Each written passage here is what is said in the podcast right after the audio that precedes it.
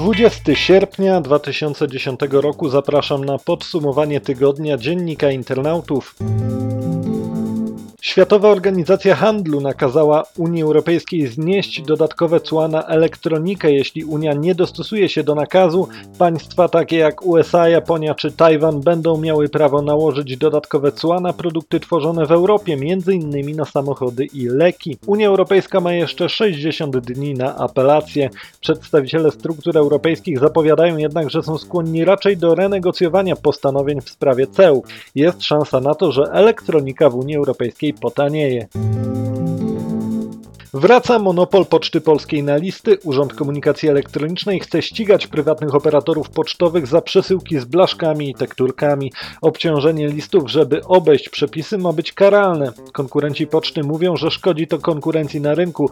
Innego zdania jest Poczta Polska. W jej opinii monopol jest potrzebny, aby usługi pocztowe były nadal dostępne w małych miejscowościach, do których konkurenci poczty niechętnie zachodzą. Dialog będzie w Polsce testował internet o szybkości 1 gigabita na sekundę. Od początku roku szkolnego klienci operatora we Wrocławiu, Łodzi, Bielsku Białej, Legnicy, Lubinie, Aleksandrowie Łódzkim i Zielonej Górze otrzymają dostęp do szybkiej linii światłowodowej w promocji, a zarazem w programie badawczym wezmą udział abonenci, którzy podpiszą roczną umowę na dostęp do internetu za 59 zł miesięcznie.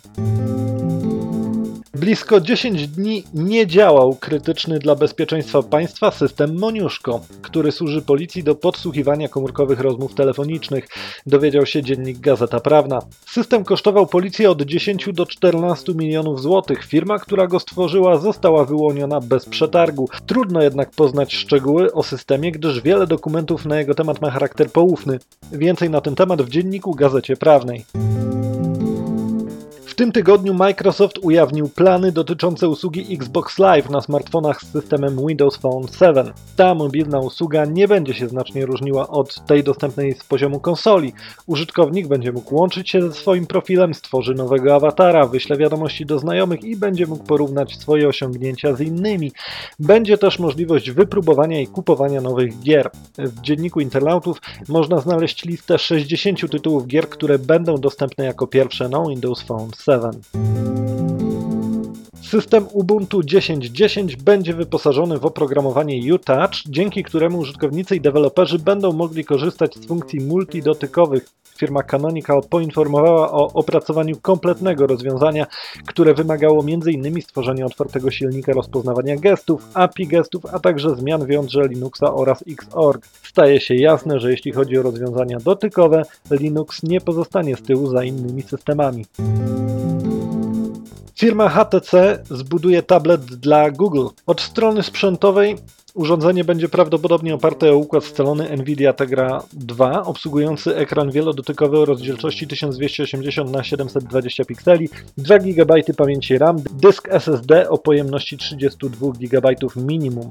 Będzie też kamera internetowa oraz czytnik kart pamięci. Nieoficjalnie mówi się natomiast o tym, że tablet może być dostępny nawet za darmo w odpowiednim planie abonamentowym.